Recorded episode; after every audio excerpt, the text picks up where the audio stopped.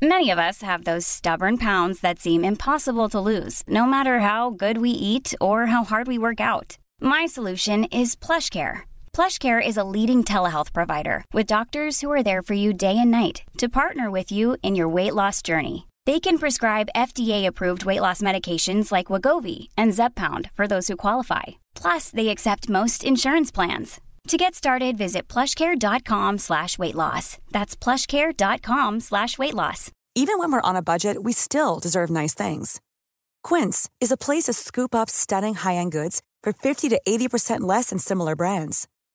They have buttery soft cashmere sweaters starting at $50, luxurious Italian leather bags, and so much more. Plus, Quince only works with factories that use safe, ethical, and responsible manufacturing. Get the high-end goods you'll love without the high price tag with Quince. Go to quince.com slash style for free shipping and 365-day returns. Välkommen hit Bettina Philipsson.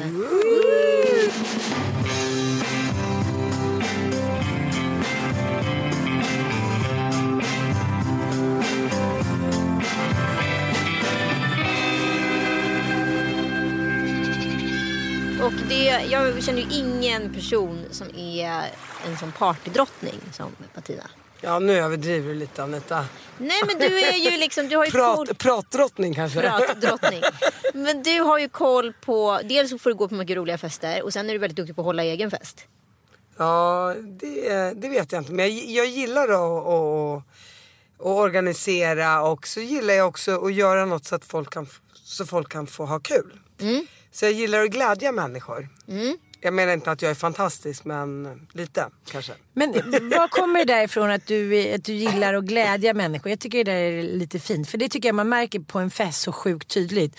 Om värdinnan och värden verkligen tycker att det är roligt att ha gäster och säger hej, går upp i det. Om de bara tycker att det är tvång. Det blir väldigt tydligt efter typ 10 minuter. Även när man är på bröllop tycker jag. Nej men jag tror det handlar om att, att man gillar positiv energi. Och jag gillar verkligen att ha människor som sprider värme och glädje runt omkring mig. Och det är ju något positivt. Och, och, få, och få andra att känna glädje och tacksamhet är också en energi då som studsar tillbaka i form av glädje och värme. Och jag gillar det. Men jag tänker på eh, den här klänningen du hade på bröllopet. Så hade du en klutch till, eh, en Dior. Och den, du hade Med- väldigt, med pärlor på. Precis med, med diamanter. Men jag tycker att det är roligt för den var ju väldigt så här, Alice Underlandet klänning. Mycket tyg och ja, men den var ju rätt spektakulär.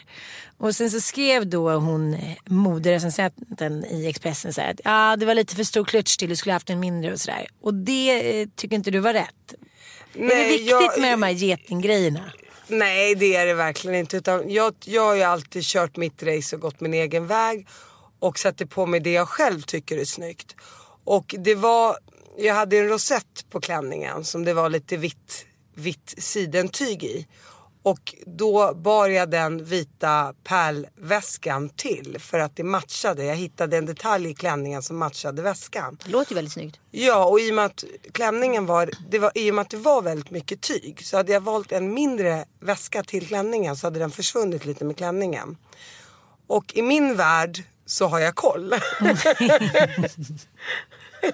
Men det har du ju. Men det är väl ändå roligt när man så här ansträngt sig och så tycker då recensenterna att man är fin. Men samtidigt måste jag ändå hålla med lite om det där. Att ibland kan jag tänka lite så här, men gud, de här har ju inte alls lika bra koll som de som Men det har där var sytt ju... upp klänningarna. Nej men ibland, ibland kan jag känna så här med rent generellt sett. När jag som är väldigt modeintresserad och har koll på kläder och märken och designers.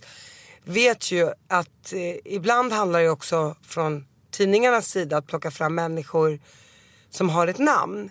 Medan jag kan känna så här, jag som tittare vill ju gärna se vilka märken är det? Vad är det för tyger?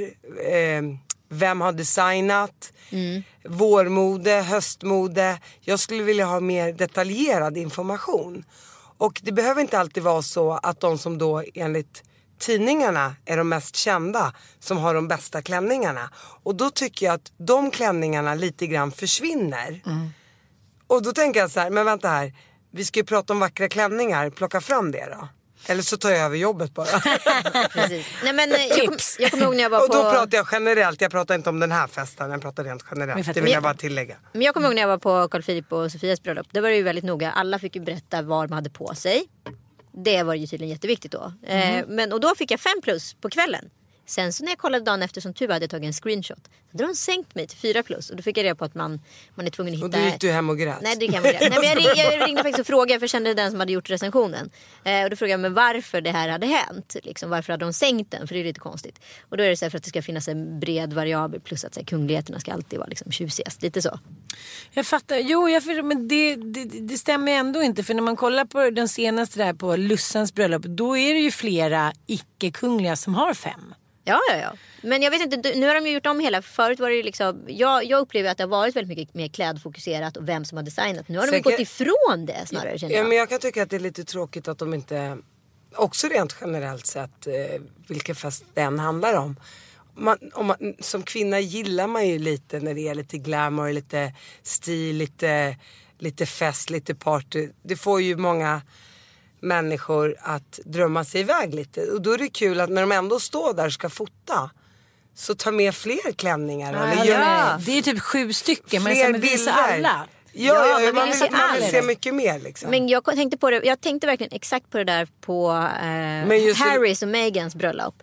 För det var liksom den enda som faktiskt typ fick sin klänning uttala var den kom ifrån. Det var ju hon Amal Clooney. Ja, ja. Som man visste det är Stella McCartney och sen så var det bruden som vars två klänningar man fick reda på var de kom ifrån. Men Victoria Beckham, fortfarande ingen aning var hennes kläder kom ifrån. Hon var så snygg och så vidare. Det var jättemånga som hade, inte hade någon designer nämnd. Vilket jag tycker är väldigt märkligt. Det är någon ny typ av journalistik. Eller också bara slöhet.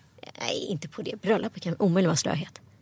Ja, eh, så är det bara, eh, eh, var det svenska tidningar som inte hade skrivit? Eller hade även de Nej, utländska men även inte de utländska. Det är ju konstigt. Det är Men- jättekonstigt. Men det kanske handlar också om att så här, Victoria inte ville säga och så måste de luska ut det så att de hann inte. Går man på ett kungligt bröllop och är Victoria Beckham då har man stenkoll på vad man sätter på sig. Framförallt om man sätter på sig sin egen outfit från sitt egna märke Victoria Beckham. Då vill Jo man men ju jag fattar men jag menar att de kanske frågade men hon var så här så som hon är lite Hon så kylig. tuggummi i alla fall. Ja, gjorde hon? Nej men gud. Okej, då går vi direkt in Det gör på jag lite... också i och för sig. Det. Det är ju en big no-no, är inte det? Ja, men framför, ja, man kan, man kan ju tugga Är man Victoria diskret. Beckham får man väl tugga tuggummi. Nej men det handlar inte om vem det är utan det handlar om vett och etikett. Jag det ser inte så här kanske trevligt ut när man liksom tuggar på där. Nej, men det känns som ett statement. Ja, nej det tror jag inte. Hon kanske hade dålig andedräkt och ville minta upp det lite. inte vad vet Ta jag. en sugtablett. Du kanske är supernikotinist och precis slutat röka. Ja, nej, jag, jag, jag ska vara helt ärlig och säga. Jag är inte så himla snobbig som jag kanske ser ut att vara. Jag är Lite Ish. snobb. Nej då, tycker du att jag är snobb Anita? Nej. Du är nog den minst snobbiga utav de snobbiga som jag känner om man säger så då. Okej, så jag, jag, det, det finns grader i helvetet. Det finns grader i helvetet. Det finns de som, är, de, de som är, har belägg för att vara mindre snobbiga. Som är väldigt mycket mer snobbiga. Ja, men vad skönt att höra att jag är osnobb i alla fall. Okej, men, men vadå? Vad är liksom, när är man för snobbig då? Nej, jag tycker det där är en definitionsfråga också. Så här, vad är snobbism egentligen? Jag tycker snobbigt... Snobben. Snobben. Jag tänkte på det hela tiden. Ja, Tecknad figur. Det är snobbism. det är snobbis. Nej men helt ärligt. Jag, snobbigt för mig det kan, vara, det kan man vara på ett trevligt sätt också. Så länge man inte är överlägsen och tror man är någonting. Utan snobbigt det kan ju kanske hur man är klädd, hur man för sig, hur man äter. Lite vett och etikett utan att vara för mer. Det kan jag tycka är trevligt. Men att så här att klanka ner på andra och tro att man är så mycket bättre. Ni hör ju luttefågeln här på Bettinas axel. Jantelagen. Nej men eh, då, då, då tycker jag det där är inte okej. Men jag upplever i alla fall de personerna som är liksom enligt konstens alla regler supersnobbiga. Det är för att börja med så är det ett nidord, det vet ni va? Det är så här som kommer från universitet. Att de som var snobbar var ju de elaka liksom. Ja. Eh, men men eh, de som verkligen är snobbiga och liksom lever det här mönsterlivet eh, enligt så här överklassens alla konstiga regler hur man ska bete sig. Som sitter liksom långt tillbaka i tiden i väggarna de är ju oftast inte de som är de som har mest pengar eller som är sköna eller som är mest respekterade. Utan det är ju något mindervärdeskomplex tycker, upplever jag i alla Det, fall. det, i. där, ja, du, det finns en sanning i vad du säger. För att ibland kan det faktiskt vara så att när man gifter upp sig. Nu talar jag inte om mig själv. Oh, Kanske lite, nej jag ska bara. Nej, men eh, om, man, om man gifter upp sig så vill man kanske vara någonting som man inte har varit och då ska man ta på sig en roll. Mm. Och den rollen kan bli överdriven. ja. Och, Kände och då du så själv i början? Nej. Nej. Men, men, men Vill du kompensera? jag, jag, tror att, jag tror att kanske många vill så här. Oj, jag är lite så här skraj för min bakgrund, jag vågar inte tala om att jag har varit fattig. Och nu ska man liksom go all in. Och så gör man allting överdrivet och så slår det över istället. Vilket blir väldigt negativt. Medan de som kanske är födda med silverskeden i munnen eller i fina familjer så här, de har inte den prestigen. För de har alltid varit i den miljön på något sätt. Ja, men Låter det, ganska konstigt själv- i era öron kanske? Nej, nej, nej, men det är väl inte. jättesjälvklart att det blir så. Så är man ju alltid när man känner som att man kommer med myssen i handen. Men så Men kan det även vara åt andra hållet. Många sådana är liksom upper class och hänger då med så här södergänget eller vad man ska kalla det för. Då ska ju de börja kompensera åt andra hållet och bli lite mer badass. Ja, eller Luffe, Luffe typ, typ Lex Woody Allen. Så New Yorkers svinrik överklass som har så här, manchesterbrallor från så här, 1973 för att det är så här, det är quality. Man liksom, de kan man ha hela livet typ. Kulturell överklass. Ja, Ja. men det blir kompenserat åt alla håll. Så att det går inte att säga åt alltså det finns ju en snobbism inom olika världar. Du har ju akademiska snobbar som tycker att man är helt dum i huvudet om man inte läser 20 böcker om dagen. Så jag är då helt dum i huvudet. Typ Horace. Du och Horace. Du har rätt på samma middag. Jag är horribel och han är... Nej, men jag hade ju Bea Åkerlund i min podd. Och eh, där pratade vi om nykläckta artister mot de som har funnits med i många, många, många år. Och är etablerade. Och hon sa ju det att det är mer störigt bland de där som är upcoming eller som är på väg upp än de som har, liksom är chillade har varit där i 20, 30, 40 år. Så här, bete sig på ett schysst sätt och lite respektfullt mot andra. Medan de andra blir liksom lite nyrika fast Ja. Ja, de, Blir, de blir väldigt sådär. ja, men det är självhävdelsebehov och man känner att man Ja, så här, ja. dålig självkänsla. Men du frågade ju mig om, om, om jag kunde känna igen mig där. För mig har det varit så otroligt viktigt att, att prata om vem jag är och var jag kommer ifrån och lyfta det med, med min invandrarbakgrund, muslimska bakgrund. Och det gjorde jag ju i Batinas fulla världar. Där, där landade jag ju både i min arabiska turriga familjen där man äter med händerna till att gå liksom på flotta fester på Östermalm. Och det är det jag tycker är lite skönt att så här, man kan landa var man vill någonstans och jag är bara jag. Och det har varit viktigt för mig med, i den här resan som jag har gjort. Men det är ändå alltid så här att man någon gång innan man kanske har vant sig vid ett annat liv tycker ju såklart att det är vissa grejer med ens före detta liv och det behöver inte handla om att man kommer från en fattigare bakgrund är lite pinsamt. Det är lite som att min pappa, det, det är ju inte så att vi har gjort någon här, klassresa eller någonting. Vi har ja, men alltid varit ungefär i samma klass. Det är klart att ja, men, eh, utbildningsmässigt och liksom karriärmässigt men sådana här små grejer som att liksom pappa smackar. Man är så här, men gud, smackar alla män? Så jag plötsligt bara, alla män smackar. Så här, jaha, så det måste ju ändå det finns väl någonting som du kanske tyckte var jobbigt? Har du alltid tyckt att allting Eh, var... ja, min pappa smackade hela tiden. Han smackar fortfarande för nu är han tandlös nu är det ännu värre. smack, smack låter det. Men jag tänker, har, har inte... Men har kan du känna skam? Kan du känna skam för, så här, om du bjuder hem dina föräldrar till dig, fin- eh, finns det någon jobbighet i dig? Går du in i någon så här dotter, pinsamma dottersituationen när du är 14 Nej, år? annat än att mina föräldrar har ju inte liksom integrerat sig så väl. Vilket jag kan tycka är synd mest för deras egen skull. Och kan inte språket så det blir, jag menar, då får båda lära sig teckenspråk då. Men alltså både från Mm. Så, en håll och- tolk. Ja men Ja, typ. ja. Men, men, men eh, jag kommer så väl ihåg när man var yngre. Mm. Man har ju mer överseende med de här, det här, de här beteendena eller vad man ska kalla det för. När, när man är äldre än när man var yngre. Absolut. För det kommer jag ihåg när man tog hem polare och min farsa där, han är i och för sig halvdöv i ena örat och hörselskadad i andra.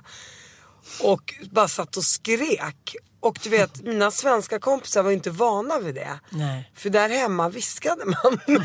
och de, de var ju oftast bara ett eller två barn. Ja, ja. Så kom de hem till den här niobarnsfamiljen. Du kan ju tänka dig själv så här stök och bök.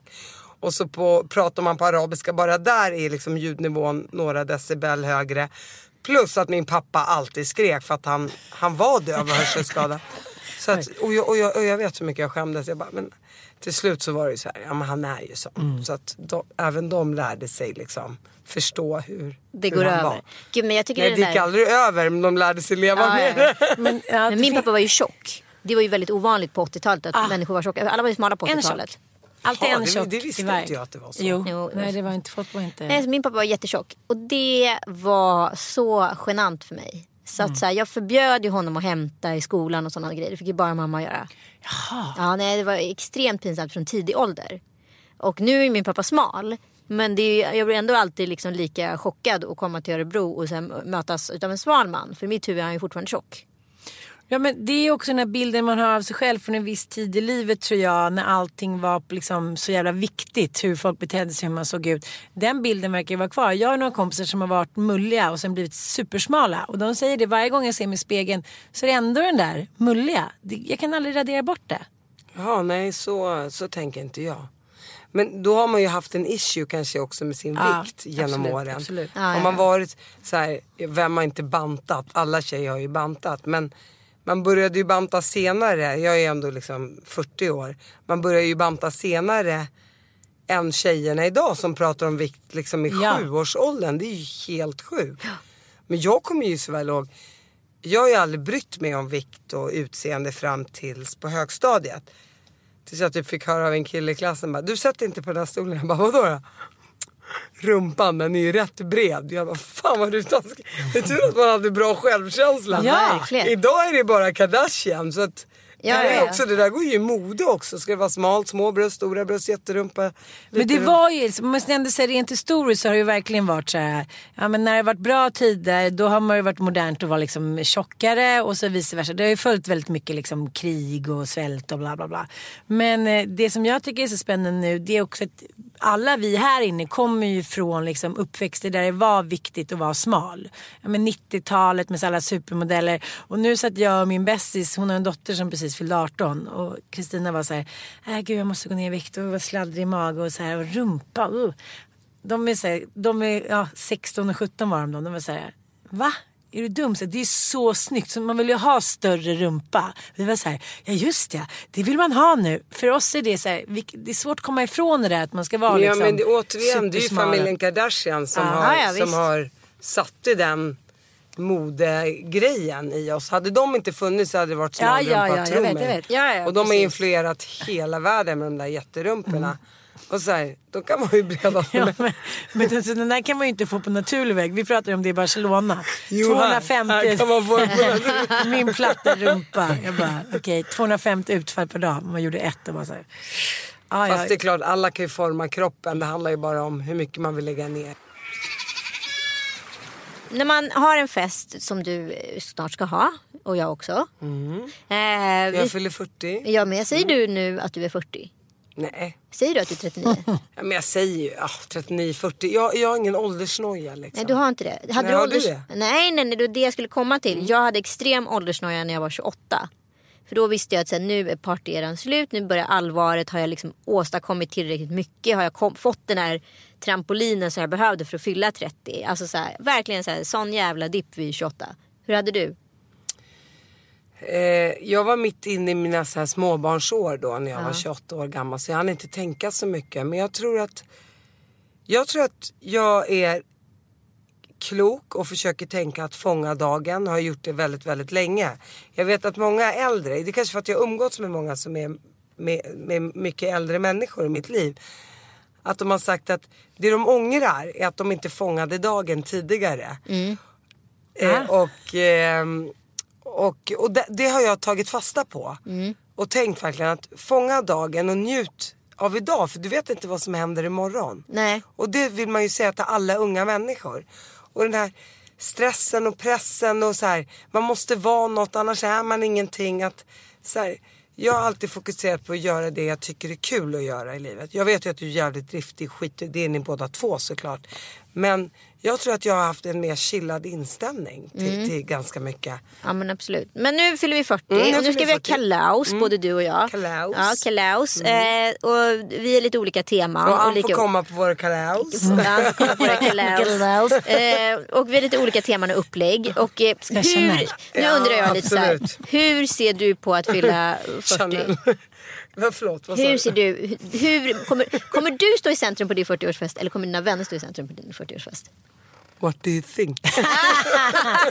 Fan, när man fyller 40 då måste man få stå i centrum. Ja det är väl så va? Jag tycker Jag faktiskt har sagt till det. alla, ni måste hålla tal.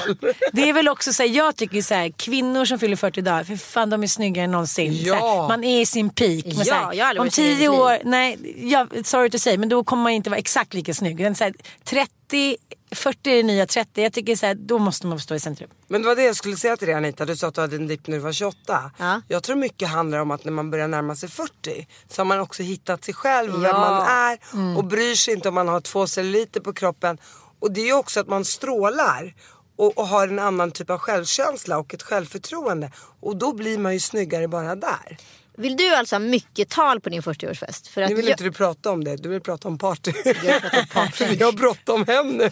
Jag vill sitta här och ja, prata. eller, du får komma tillbaka Du nästa och jag vecka. fortsätter. Vi bara, Du kommer, tillbaka, du kommer tillbaka och vickar för Ann nästa Ja, vecka. Det blir jättegärna. jättebra. Trevligt. Jo, vad skulle jag säga? Jo, jag ska ha party, jag vill stå i centrum.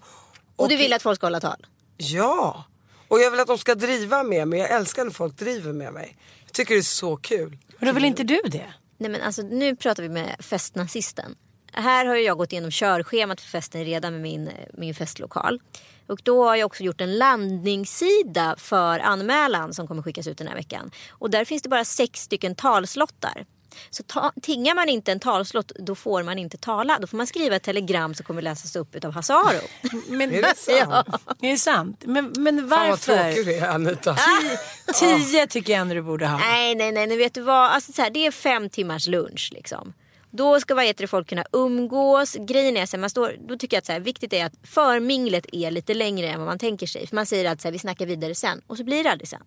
Så förminglet blir liksom själva förfesten på Gud vad plats. du och jag tänker olika. Ja. Och sen är middagen liksom uppdelad i tre akter efter rätterna. Och då på varje akt så kommer det vara två tal och sen kommer varje akt avslutas eller börjas med ett musikuppträdande. Och sen är det liksom en halvtimme kvar, sen är det slut. Ja, men nummer ett så tänker jag så här, det handlar inte om mängden tal. Det handlar om kvaliteten på talen. Ja. Så här, ja, Typ om det är sex dåliga Ja. slottare. Då Men de, då vet man ju att den som då tingar ett tal, den kommer ju vilja hålla ett bra tal. Fast, nej, fast du, folk har dålig självinsikt, det kan jag tala om för dig. Och nummer två så ska ju ett tal hållas på max tre minuter. Ja, men det är ju ingen som håller sig till Nej, det. och då är det viktigt så här för mig, för när jag håller tal så gillar inte jag egentligen att prata upp och ner. Åh, när vi sågs på, det här, på den här festen och vi fann varandra och hej och hå. Utan jag gillar ju att uppträda eller göra någon film. Man vill göra något kul liksom. Ja, för det den har man jag sett. gillar. Ja, och eh, så, att, så för mig är det där, det, det är feltänkt. Och ett långt mingel i 12 centimeters klackar får ju vem som helst att bara vilja gå, gå in och sätta sig Men det finns i... ställen att sitta på. Jaha, det gör Ja. det. Exakt, Okej. Nej, men för det är ju vidrigt. Att För ge mig en fåtölj gärna med en pall så Ja. jag kan... alla sitter ner då eller? Du sitta. Sitter längs väggen. Ja, och sen är det viktigt med placering och det är Ja, viktigt. Och... exakt. Och hur ska man tänka där då? Där tycker jag det finns ett sånt klockrent svar på det. För folk tänker ibland så här, ja men då sätter jag en rolig men en tråkig Ah, så kan hon så här nej. piffa upp den tråkiga. Man bara, nej nej nej nej. Ni sätter roliga med roliga och tråkiga med tråkiga.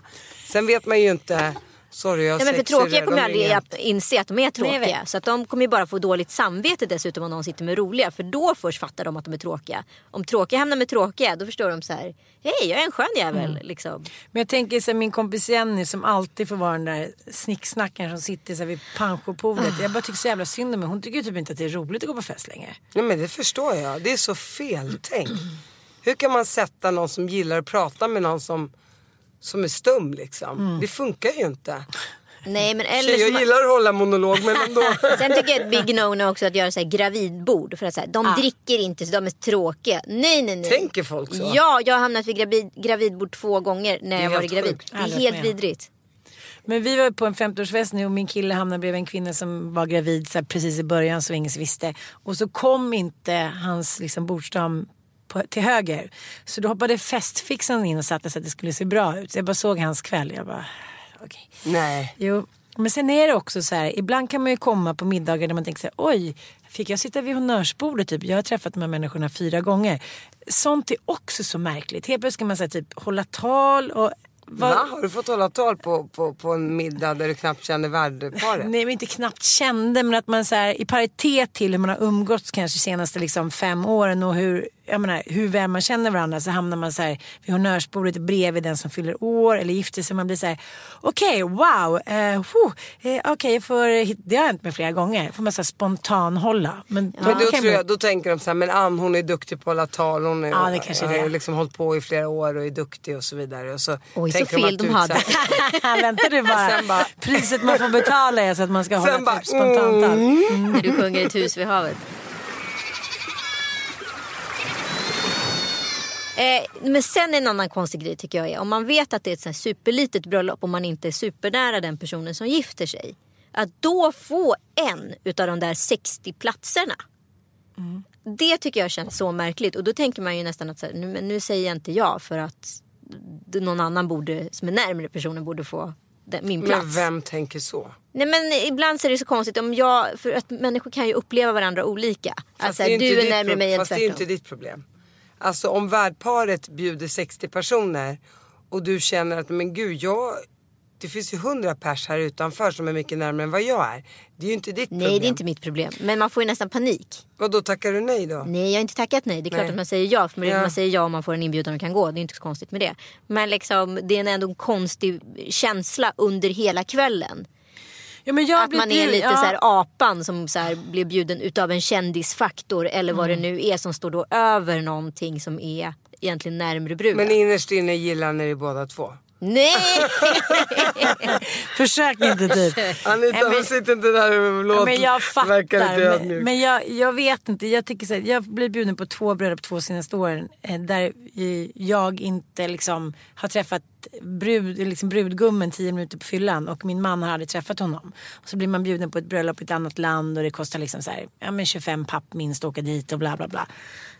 Den är lite märklig, den är lite svår samtidigt som att det är så här, gud vad härligt om inte jag hade varit gravid och bla bla bla så var det så här, men gud vad kul, det har inte jag något emot. Men sen i sommar så var jag bjuden på ett bröllop på ett slott och eh, det var ju lite samma sak där. Jag känner ju henne och liksom, men inte jätteväl och inte hennes man jätteväl och inte Mattias heller. Och så är det så här, ah, vi kan inte komma med alla fem barn. Alltså, det gick bara inte. Liksom. Vi skulle ta med alla fem barnen ner till Frankrike hit hit. Då bara, eh, och sen så närmare kom bröllopet och jag var så här, nej men det kommer inte gå. Bara, men nu, ni får ta, vi, ni får ett rum i slottet liksom. Vi har fått tre rum i slottet. Så, så här, nu står vi för det. Det handlar ju inte om pengarna. Liksom. Det handlade om så här, dra ner med fem barn som aldrig träffat de här. Och så här, ja, men, det, är jag- taskigt. Det kanske är taskigt. Man kanske alltid ska tacka ja till bröllop för man Nej, vet hur mycket jag- det betyder. Nej, jag tänker så här. äh, Nummer ett, så, så här, man ska gå på det man vill gå på. Man ska aldrig känna sig tvingad att göra någonting som man inte känner för. Samtidigt är det ju så här. Folk har ju olika ambitioner rent socialt. Det, det, det, vet, ju, det vet vi ju allihopa. Och speciellt också så här. Kanske inom kändisvärlden eller inom eh, överklassvärlden. Sen kan man tänka så här. Har jag lust att göra det eller har jag inte lust att åka? Mm. Och då får man ju gå till sig själv. Då får man tänka så här, ja men det är okej att hon har de där ambitionerna. Jag vill ändå gå på den här festen när jag tycker det är jättekul. Mm. Eller så här, nej det här känns jättefel. S- Och då ska man inte åka. Men oftast är det ju att jag tycker så här, men gud vad härligt, vi drar. Fan, det är bara en ny upplevelse, träffa massa härliga nya människor. Medan min man är lite så här, det verkar ju helt galet typ. Så, ja, vem Ja, får men bestämma? Så, så där har vi det allihopa. Ja. Jag är så här, party party medan min man är så här, nej nej nej. Alltså du Men träffar... räknar inte ni bort dem då? Jag kan ju tänka Ma- mig, du, du männen kör- eller kompisar? Nej, nej, nej. nej kom, alltså männen. Det är ju såhär, du, men då kör jag själv. Vet du hur ofta jag har fått gå, gå, gå åka på fester Mm. utomlands ensam, gå på middagar själv. Alltså det är inte alltid jättekul. Nej, det är Men det sen är, inte. sen är det ju så här liksom, ja. Men samtidigt ska man vara där med någon som inte vill vara där, då går jag, går jag ju fan hellre själv. Ja men det gör jag också. Ja. Nu är jag ju social och kan klara mig i alla fall. Nu är jag överlevnadsskäl, jag har blivit det om inget annat. Men det är Men inte varför alltid så vill kul. de? Det är det jag inte förstår. De är inte intresserade. De är inte intresserade, det är Man är en helt olika. annan social ansats. Jag De är olika. Alltså min man orkar inte träffa nya människor. Han tycker inte det är kul. Nej. Han har varför hittat ska jag- sina polare, det jag räcker. sä- Ja exakt. Varför ska jag sätta mig på middag och prata med någon som jag aldrig mer kommer träffa igen? De här tre timmarna. Mm. Nej, då är jag hellre och kratta på landet. För det njuter jag av. Mm. För mig är det så svårt att fatta det. Jag bara kratta, skämtar du med mig? Det är rena döden. Men för honom är det njutelse. Ja, ja, jag fattar. Förstår jag du? fattar. Så att man är ju så mm. olika. För det måste jag ändå säga att det är härligt att vara med sin man på fest. Det är inte jättehärligt att gå på ett bröllop själv eller liksom, man känns lite halv. Sen kan man ju ha skitroligt utan sin man också så det behöver inte. Ja men det är klart. För man är ju lite mer i en utsatt situation där man Alltså, är man lite tvingas ju ensam. också till att bli så här, hej vi måste connecta för annars blir jag själv. Då blir jag liksom en lös lina här. De bara, fast vi vill inte connecta med dig. Jo. Okej, nu Ann, några Ja. minuter kort om ditt bröllop här som du tycker är så viktigt. Ja men jag tycker att det är så här viktigt. Det är också Ska så här, du gifta dig? Nej, Nej, nej, det ska nej, du inte utan nej. det är bara hennes fantasibröllop. Ja, så det är det okej. vi ska Mm. spela Så med. du Det är inte gift än? va? Nej det blir aldrig av liksom. Utan då blir jag på smällen eller också säger ja, nej men tar nästa. eller- Och nu tänker jag så här, det kanske inte kommer bli av. Varför jag. inte det? Nej men det jag tänker som jag tänkt så många gånger så här, jag ångrar så att jag inte bara gifte mig direkt. Så här, när man är sådär nykär, superkåt, superkär, tycker den andra är så här, det hetaste som någonsin har gått på skor. Man bara tittar på den som att den så här, ja, men vore liksom ett mirakel som gick på denna jord. Nu fem år det drygt så tycker jag inte det längre. Alltså jag älskar honom men jag tycker inte att det är ett mirakel liksom, att han finns. Jag tittar inte på honom med den där blicken som man så kan smälta berg. Ibland Nej jag, men känner du att det är mannen i ditt liv då? jag bara, Okej, nej men det jag menar, nej, det jag skulle fråga var då om, om det ändå känns så här, men gud, vi borde hoppat på det. Jag undrar varför man inte gifte sig så här efter tre månader och sen så bara för att det är så jävla härligt. Nu känns det lite, jag vet inte varför jag tycker det känns lite sent. Så där är det med perioder i ens liv. Ibland känner man så här, åh jag borde ha gjort det så här, jag borde ha gift mig tidigare, jag borde inte ha gift mig, jag borde ha skaffat barn när jag är i 20-årsåldern, varför väntar jag 10 år? Men så här, det går inte att vrida tillbaka klockan. Nej. Och så här, du kan ju alltid gifta dig i framtiden. Det finns ju ingenting som hindrar dig från att göra det. Nej. Utan det som Med har varit har varit, det är bara att blicka framåt. Men gud, jag, är nu har jag varit gift två gånger. Första gången gifte jag mig efter tre år och andra gången gifte jag mig efter ett och ett halvt år tror jag. Och tredje gången. Ja, det vet jag inte. Nej, men nu kan jag ju känna så här, om vi gifter oss så känner jag ju nästan att det känns ju bättre att gifta sig efter fem år. För då har man ju så här utvärderat situationen och man har förmodligen gått igenom en del prövningar tillsammans och känns det fortfarande som en kul grej efter fem år. Ja, då är det ju värt ett giftermål för då kommer det förmodligen hålla betydligt längre än vad mina tidigare bröllop har gjort. Liksom. Ja, jag fattar, jag fattar. Men, om, om, man nu, om, man nu vill, om man nu tycker att det är en så här statusgrej att kunna säga så här, vi var gifta i fem år så höll inte relationen längre så är det kanske en smart grej att gifta sig efter tre månader. Men sen tycker jag också, har det inte lite grann med ens ålder att göra? När man är äldre så märker man kanske snabbare om man funkar med en människa. Mm. Än om när man är typ 19-20 år. Ja, ja, då känner man ju knappt sig själv. Så Nej, Det skulle är man det jag menar, det är svårt att veta. Men till min fråga då, Ja. nu använder jag dig då, nyttjar dig som expertis. Värsta experten. Ja, jag har ju då tre fantasibröllop som jag då, eller de är ju inte fantasi, det är inte så utopier men som jag så här, väljer mellan som jag tycker är olika. Antingen då så här, hyra ett liksom, jättefint typ cirkustält och så här, vara på landet, vi har en gård på Gotland. Vad får det kosta? Eh, ja men det spelar ingen roll. Vi säger att det får kosta 500 000 då. Men antingen det bröllopet då. Eh, att man är så här på sin gård och alla liksom som man har renoverat, man känner kärlek för och barnen är med bla bla bla. Eller också bara så här, till exempel i sommar då när eh, Anita och Joel är i Italien, att man åker dit och så här, har ringt någon präst innan och bara så här, ni får vara vittnen och så är man bara lycklig och dricker champagne och liksom sitter och kollar på stjärnorna och så här. Eller liksom bara köra i Stockholm lite som Hanna och Gurra gjorde min kompis. Att det var så här, okej shit vi kör i maj. Så här, vi bjuder våra 65 närmaste som vi så här, vet att vi kommer älska resten av livet. Kanske inte de som vi älskade för tio år sedan. Och bara, ja oh, kyrkan var full, men då tar vi den kyrkan. Ja det fanns inga härliga restauranger kvar, men då tar vi det där. Och så blev det ändå skithärligt, opretentiöst. Och nu kan jag liksom, jag tycker alla tre är bra. Alltså, bröllop känns som att man manifesterar inför sina vänner, inte bara för varandra. Ah, okej. Ja, jag skulle nog planera lite. Och vara lite mer uppstyrd. Men så här på landet. I Sverige är det så osäkert med vädret ju, Mm, i och för sig. Men har man ett bra tält och lite värme i det. Mm. Och fin dukning och bra musik och Lampor. härliga tal. Och, så tror jag att Sverige är ett magiskt ställe att, att gifta sig på. Du vet, man romantiserar gärna ofta upp Italien och Frankrike och vingårdar och det är magiskt det också. Men dels så blir det så mycket dyrare. Och sen är det faktiskt så här, för det har jag varit med om ganska mycket när jag har varit på bröllop utomlands att det är mycket som inte funkar. Jag hade min 35-årsfest utan, eh, utomlands men då var, det ju liksom, då var ju jag ju med typ i köket och liksom var med och var så aktiv. fan, Och det är ju inte superskärmigt om man är på sitt bröllop. Nej. Men sen så är det ju också, tycker jag också att det blir ju konstigt när man har en präst som förrättar en eh, vigsel och inte kan modersmålet. Ja, du kan ju ta med dig en Du går ju inte in. präst. Ja, då, då ska man inte ta med sig en Jo svensk men det är inte det det är hela arrangemanget Exakt. runt omkring. Så här, jag vill ha rosor, du får tulpaner. Eller Ja. den här språkförbindelsen som oftast liksom hamnar in the middle of nowhere.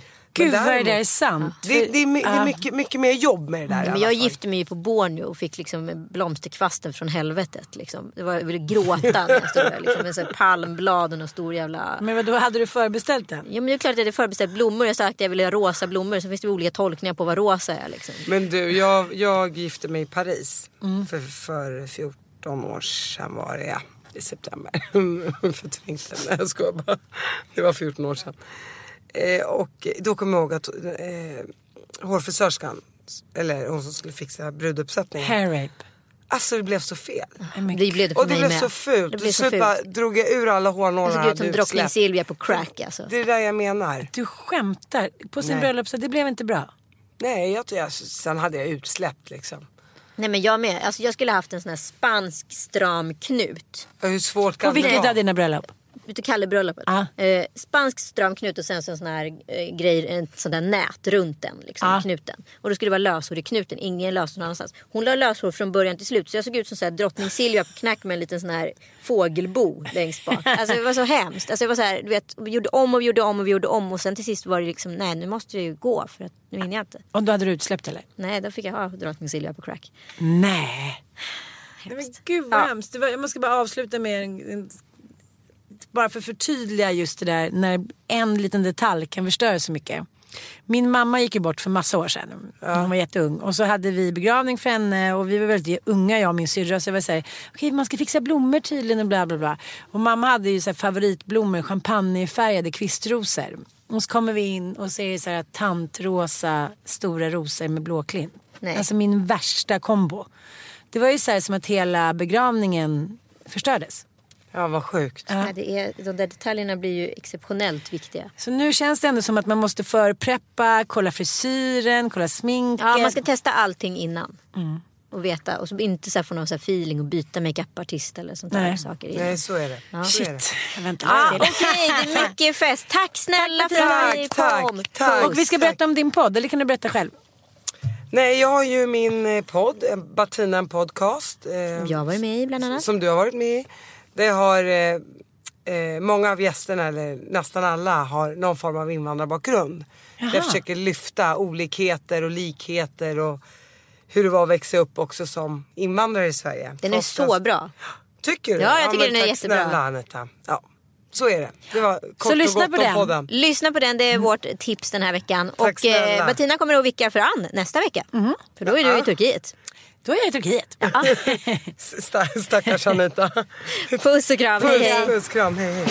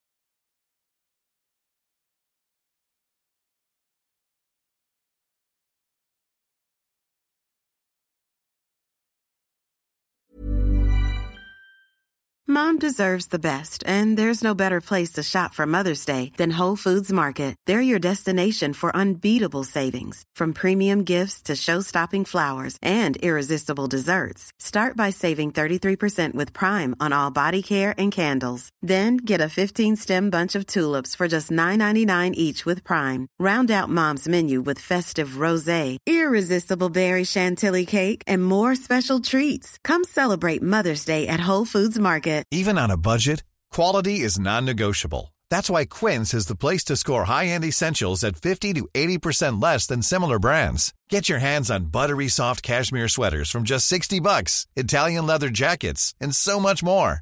And the best part about Quince, they exclusively partner with factories committed to safe, ethical, and responsible manufacturing. Elevate your style without the elevated price tag with Quince. Go to quince.com slash upgrade for free shipping and 365-day returns.